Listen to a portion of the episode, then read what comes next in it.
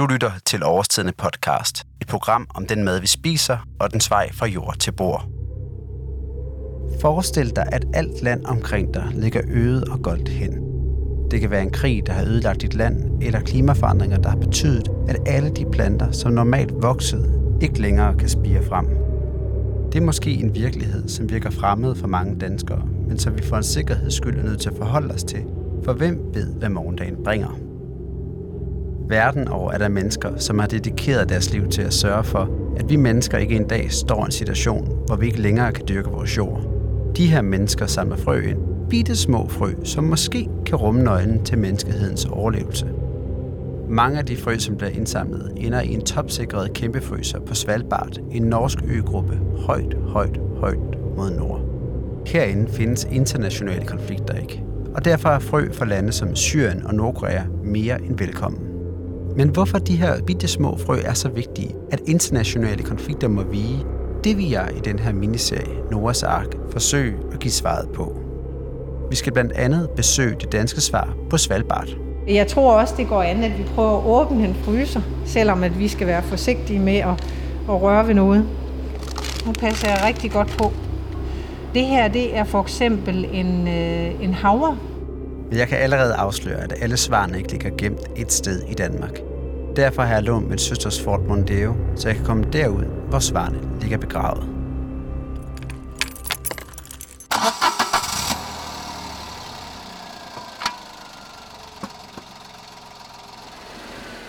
Så skal jeg lige se, om jeg kan få bukseret den her bil ud herfra.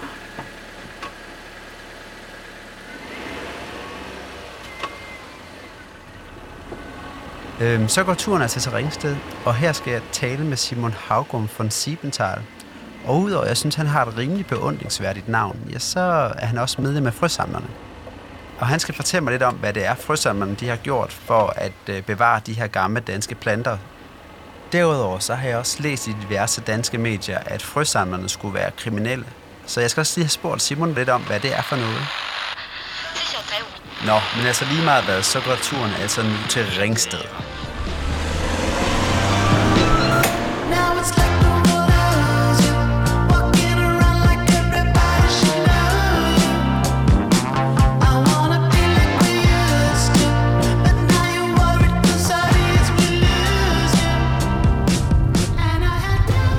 Mens jeg bevæger mig mod Ringsted, så skulle jeg måske lige prøve at introducere Simon lidt nærmere.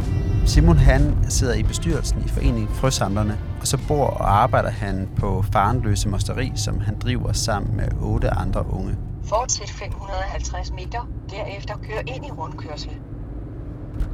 Foreningen Frøsamlerne, ja, den blev dannet i 1986, og den har som formål at få bevaret den plantemæssige diversitet eller mangfoldighed i vores natur, landbruget og så selvfølgelig også i vores egne haver. Med mindre min GPS den lyver, så burde vi faktisk skulle ind her. Der, der ligger simpelthen øh, øh, høns på vejen. Det må jeg nok hellere lade være med at køre ned, hvis det er, at øh, jeg skal få Simon til at gide at tale med mig.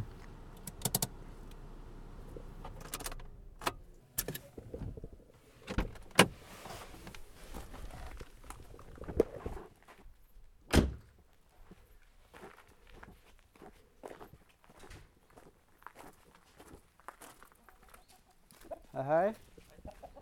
Simon og jeg går rundt på det gamle mosteri, der har halvanden hektar æbleplantage med 12 forskellige æblesorter. Rigtig meget til venner og familie og venner. Omgivet af høns og æbler sætter vi os i haven og snakker om meningen med at samle på gamle frø.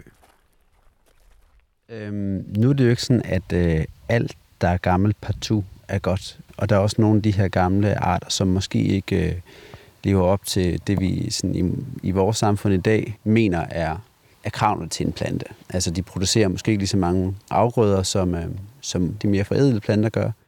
Det er jo sådan, at, at det ikke er kun er de planter, der smager godt, og de planter, der er højt ydende, der er værd at bevare. Hvis vi for eksempel har en, en ært, der ikke klarer sig særlig godt, ikke er særlig højt ydende, skal vi så ikke bevare den alligevel? Og det, der er sådan kernen i det, det er, at så kan den ært faktisk gemme på nogle gener, som vi bør bevare. Grunden til, at frøsamlerne ønsker at bevare de gamle plantesorters gener er, at de indeholder nogle andre gener end dem, man finder i de forædlede plantesorter. Det er nemlig sådan, at de forædlede planter er designet til at imødekomme de krav, som producenterne og vi forbrugere har. Producenterne, ja, de vil gerne have planter, som giver ensartede grøntsager, og som kan holde sig længere og som kan tåle at blive transporteret i lastbiler. Vi forbrugere, ja, vi vil bare gerne have store grøntsager, som helst ikke må koste for meget. Derfor ser vores tomater og hvidkål ud, som de gør i dag. Men det har en pris. For når man fokuserer så meget på at lave ensartede, holdbare og store grøntsager, ja, så sker det altså på bekostning af andre ting, såsom smag eller tilpasning til klimaforandringer. Derfor er de gamle sorter vigtige, for det er deres gener, man bruger, når man forædler nye plantesorter, som f.eks. godt kan klare tørkeperioder, eller som har en anden og mere spændende smag.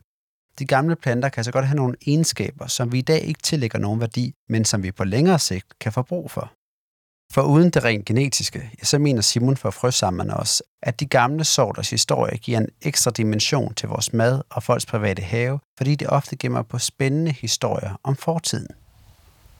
At have en have, hvor man har 80 gamle sorter, og man kender historien på de her sorter. Man ved, at den her sort, den blev dyrket på Lolland for 100 år siden. Det giver jo en helt anden oplevelse, når, når man går ud i sin have. Og det gør selvfølgelig noget. Øhm, og så er der det med diversiteten.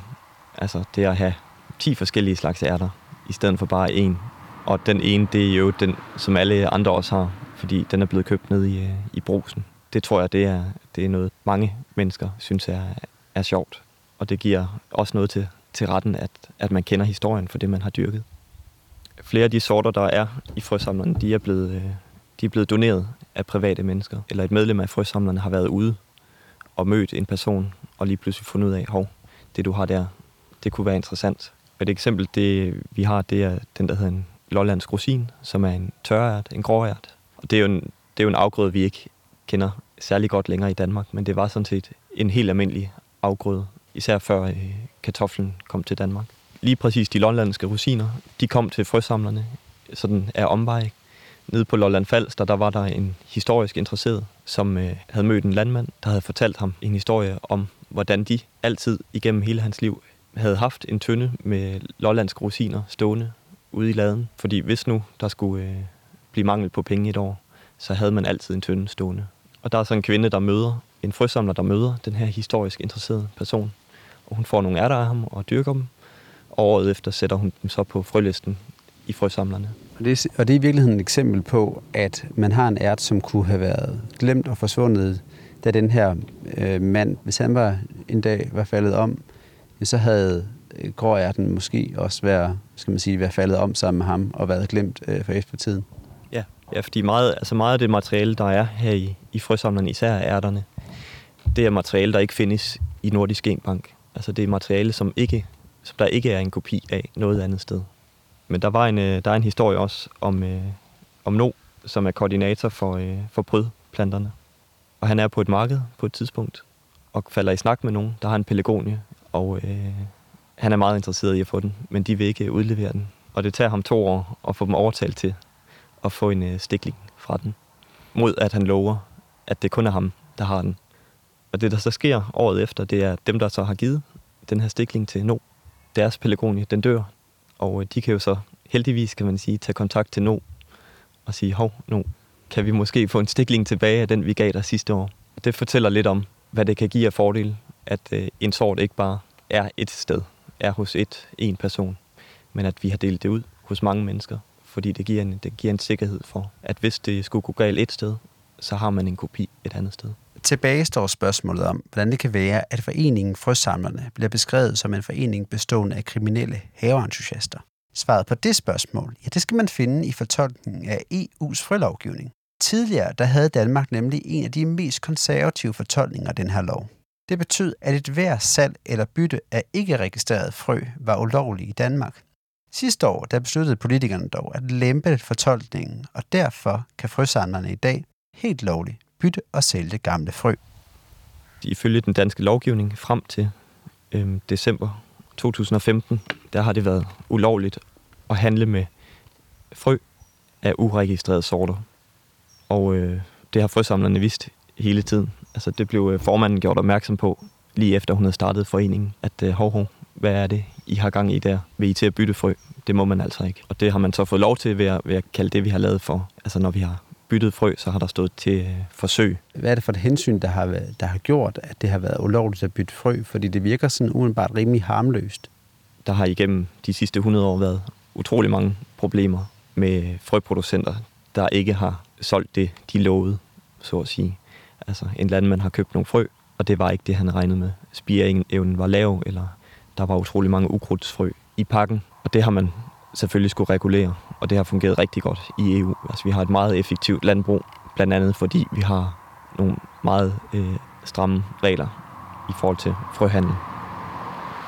Men det, der så er sket i samme, i samme åndedræt, som man har lavet en masse regler for det, kommer- den, de kommercielle frøproducenter, så har det også ramt private mennesker, der har byttet frø eller handlet frø, og små virksomheder, der har solgt frø af det, vi kalder uregistrerede sorter. På den her måde så fik vi gjort frøsamlerne til lovlydige borgere igen, og vi lærte samtidig noget om, hvorfor det giver mening at bevare en mangfoldighed af planter i vores haver, natur og landbrug. Som du måske allerede har bemærket, ja, så har jeg allerede forladt Simon og det gamle mosteri ved Farenløse.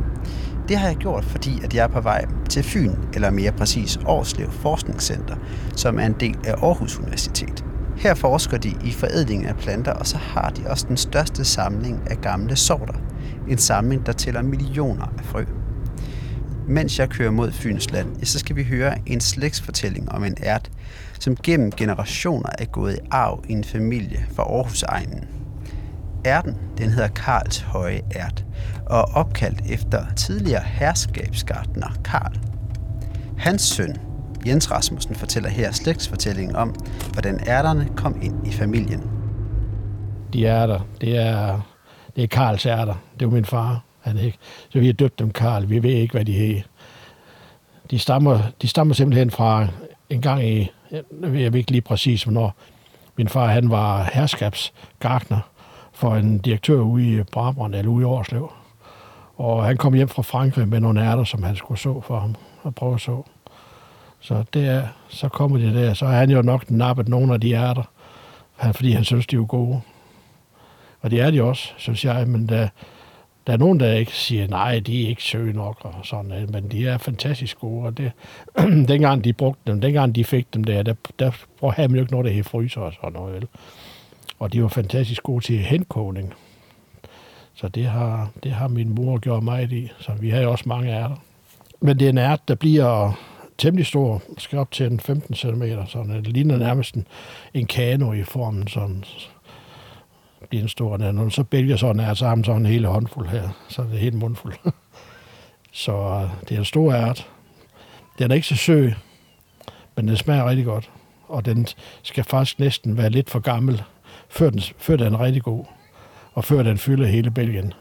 For bælgerne, de bliver meget tykke øh, til at begynde med, men bælger, bælger den for Chile, der, så er der ingen ært, eller så er der ærten så lille, den er ikke rigtig udviklet. Den bliver først udviklet øh, ret sent i ærtens levetid, før, som man siger, øh, nu bliver den runken, så dur den ikke mere. Det gør når ærter normalt ikke, når de bliver runkne, men den her, den skal sådan lige have tanken af runkenhed, eller en bestemt øh, grå farve på skallen, så det er sådan perfekt. Vi havde jo selv, dem havde vi en have på 3.000 kvadratmeter, som, som var en, en rigtig, øh, den var virkelig en præmiehave, for alt det sølvtøj, som min far og mor de havde der, det var vundet på haven. Og han kunne vinde over alle haver, uanset hvor store og hvor små de var, så kunne han vinde over dem jo. Så jeg har jo også frøet nogle frø. Vi laver selv frø af dem hver år. Vi kan jo ikke købe frøene. Man skal selv, øh, man skal selv lade, øh, lade nogen blive hængende, så de, så de bliver tørre, og så simpelthen lave frø på den måde. Og jeg har den måde, jeg gør det på, øh, at øh, jeg siger gerne, den side, der vender over mobilen, den må jeg holde nalderen fra. der, der, der er interessen heller ikke så stor, når, når, det, når det er tæt på bierne. så det er nemmere at lade dem sidde. der var en sådan en sjov ting engang, mens jeg var dreng. Jeg kan ikke huske, hvor gammel jeg har været. Det har nok været omkring 1950, så jeg har været 6 år. Der var fatters så er det, der var de væk. Der kan jeg godt sige dig. Der, der, der, der var gode over dyre. Så fandt han ud af, at vi drenger, vi havde brugt dem til puserør. det var de fantastisk gode til. de havde lige den rette store størrelse. De passede, det var lige der på det tidspunkt, hvor de her nye plastik pusterør, de var kommet frem. Det, not, så det var alle tiers til det der. Det kunne give et ordentligt whoop, når de røg ud af, af røret der. Så der kravlede han næsten på knæerne rundt i de 3.000 kvadratmeter have for at finde de ærter, han kunne finde, så han havde nogen at så igen. så, det, så han har faktisk, jeg, jeg ved ikke, hvordan, hvor mange han har fundet, men det er i hvert fald fundet så mange, så, så, så de er blevet, at de er blevet holdt i hævd, og de er blevet uh, gået videre til mig i hvert fald. Jeg vil ikke påstå, at slægtsfortællingen om Karls høje ært er et argument for, at øh, frø og planter i fremtiden skal sikre vores overlevelse her på jorden. Historien om Karls høje ært er bare et eksempel på, at der med de gamle planter ofte følger fortællinger, som ingen forædlede plante kan overgå. Og har vi i fremtiden ingen gode historier, ja, hvorfor så leve? Når jeg kan mærke, at jeg efterhånden er blevet lige lovlig rørstrømsk over den her fortælling af Karls høje ært, øhm, og derfor er det heldigt, at jeg er nået frem til Aarhuslev Forskningscenter, hvor jeg skal snakke med Hanne Lackenborg Christensen, som er lektor og forsker ved Institut for Fødevare. Nu skal jeg bare lige se, om øh, jeg for det første kan få parkeret den her bil, og så skal jeg ind og se, om jeg kan finde hende.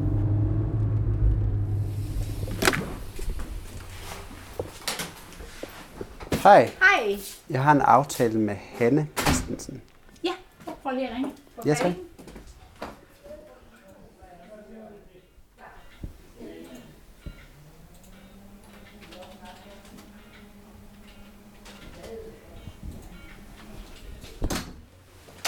Hej. Du kom bagfra. Hanne, Hej, Mads. skal vi gå ned og tage en kop te eller kaffe først? Det kan du godt, ja.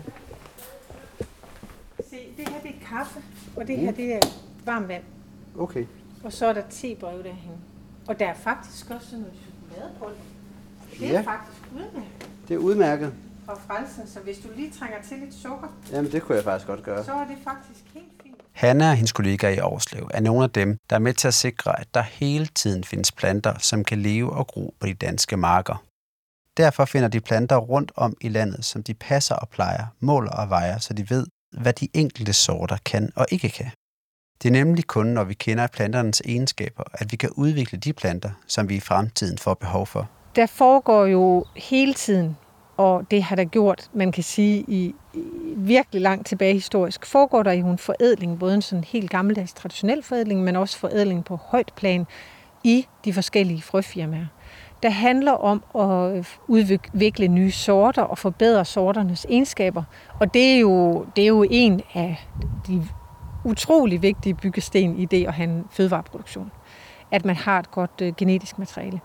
Men der sker det over tid, at de her forædlingsfirmaer, øh, de kan fokusere meget snævert på nogle bestemte øh, sorter, og, og det genetiske materiale bliver snævret ind, så man, man hele tiden forædler mod nogle bestemte egenskaber, sådan så man mister noget af den genetiske variation, den naturlige genetiske variation, der var i planten fra den var vild. Og det bliver problematisk, hvis vilkårene pludselig ændrer sig. Det kunne være for eksempel klimaforandringer, eller det kunne være, at man simpelthen får fokus på noget andet. Det kan være, øh, at man har simpelthen brug for en bedre næringsstofudnyttelse på grund af, af, af næringsstofudvaskning, eller man har brug for nogle nye, sunde indholdsstoffer, eller det kan være, at man simpelthen er interesseret i nye smage til at lave gourmetmad. Altså man kan forestille sig alt muligt øh, af stor vigtighed.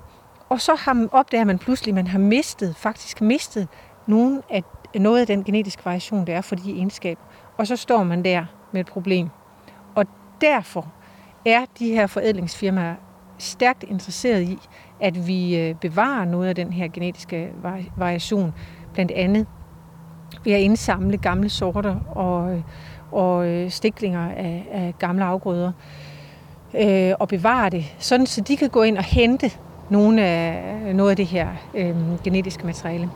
Øh, og det er derfor, at det er vigtigt, at vi, øh, at vi bevarer den her øh, diversitet, øh, sådan så vi har den, når vi pludselig finder nogle nye spørgsmål og nogle nye kritiske øh, fokuspunkter.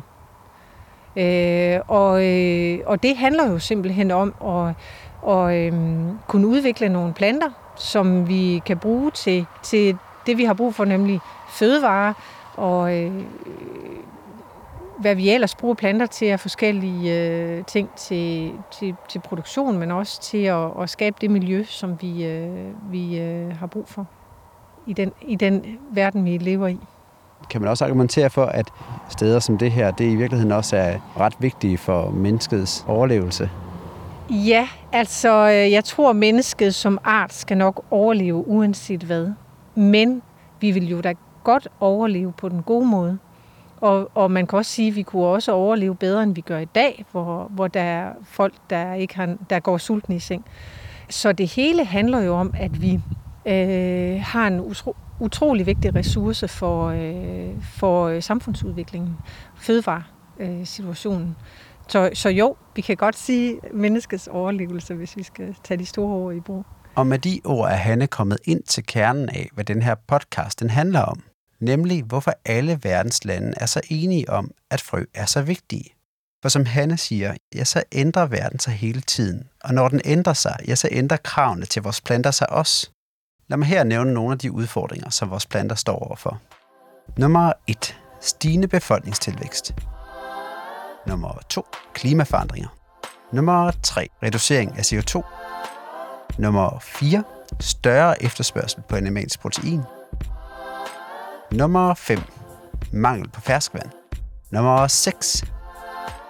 Større middelklasse i verden. Jeg tror bare, jeg stopper her. Pointen er nemlig, at hvis vores planter skal løse alle de her udfordringer, ja, så er det genetiske materiale, som frøene gemmer på, løsningen. For jo mere genetisk materiale, des flere mulige plantekombinationer findes der. Personligt så synes jeg godt, det her med planternes genetik kan være lidt svært at forstå, så lad mig komme med et eksempel.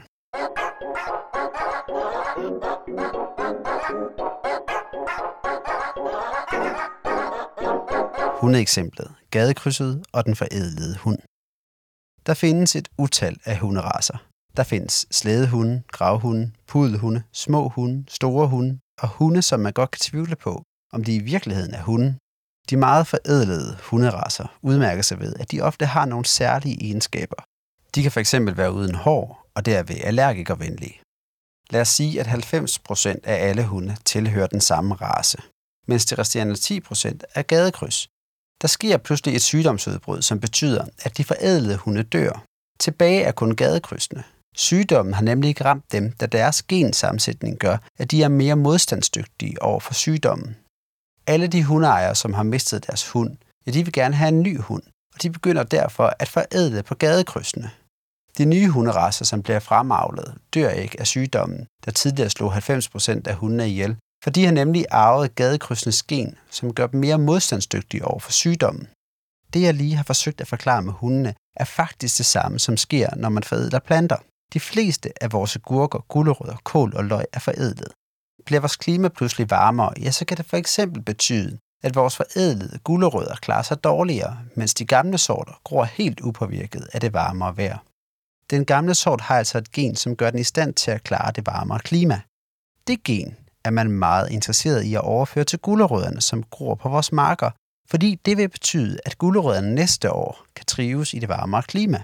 På den måde bruger man altså de gamle sorters gener til at redde de sorter, som gror på markerne. Nu er vi så kommet dertil, hvor vi skal ind og se på de mange kummefrysere. Og se på det, vi har valgt at kalde planternes Noahs ark. Jeg tænker jo det her, det her med at have kummefrysere fyldt med frø, lidt som en uh, planternes Noahs ark. Er det sådan fuldstændig uh, skudt forbi? Øh, nej, det synes jeg egentlig er et meget godt billede. Bortset fra, at der jo ikke er noget religiøst indhold i det, vi laver. Tværtimod.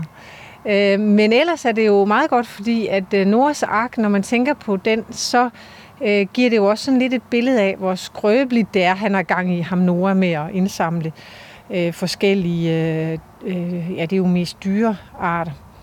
Øh, for hvad nu, hvis der var gået hul i, øh, i skibet, og det hele var sunket? Øh, og på samme måde kan man sige, at vi kan aldrig dække os øh, 100% ind, men vi gør, hvad vi kan. Øh, og, og det er det, Nordgen gør. Øh, har en bygning, som er sikret på forskellige vis med alarmer, og som er aflåst, og, øh, og så... Øh, øh, ja, så prøver vi på at bevare, bevare et udvalg af de øh, afgrøder, der er øh, materiale fra forskellige øh, sorter osv. Fordi man kan jo aldrig, man kan aldrig gemme det hele. Så man er nødt til at tage en beslutning og prioritere øh, nogle udvalgte. Yes. Og, øh, og det er jo sådan, det foregår. Skal vi prøve at gå derind så? Ja.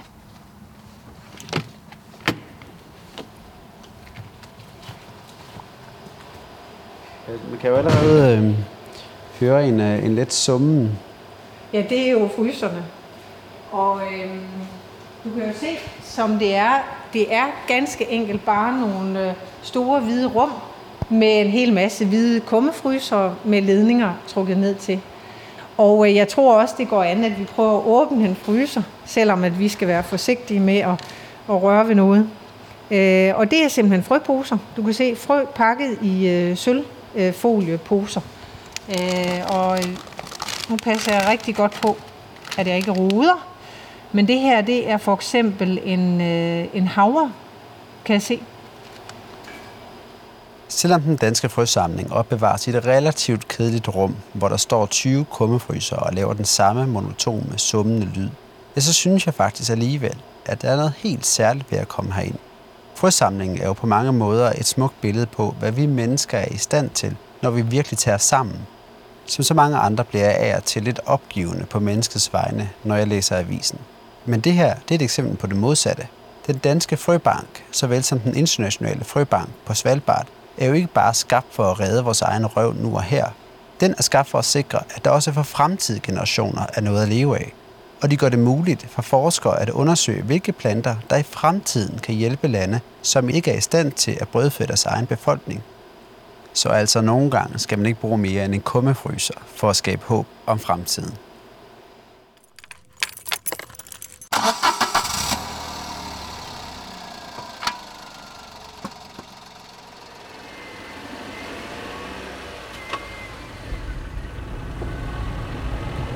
Så sidder jeg igen i bilen, og det gør jeg, fordi at jeg er på vej til Jylland. Her der skal jeg nemlig tale med en række mennesker, som ikke bare lader de gamle frø og planter ligge i en kummefryser. De har nemlig taget frøene op af fryseren og plantet dem i jorden, fordi de mener, at fortidens frø og planter er nutidens mad. Og måske de har en pointe, fordi det forholder sig faktisk sådan, at vi de seneste øh, 10-20 år er begyndt at spise flere afgrøder, som ellers blev glemt og pakket væk for bare 100 år siden. Grunden til, at fortidens afgrøder de igen vinder frem, ja, det skyldes kort og godt, at de smager bedre og måske ligefrem kan være sundere.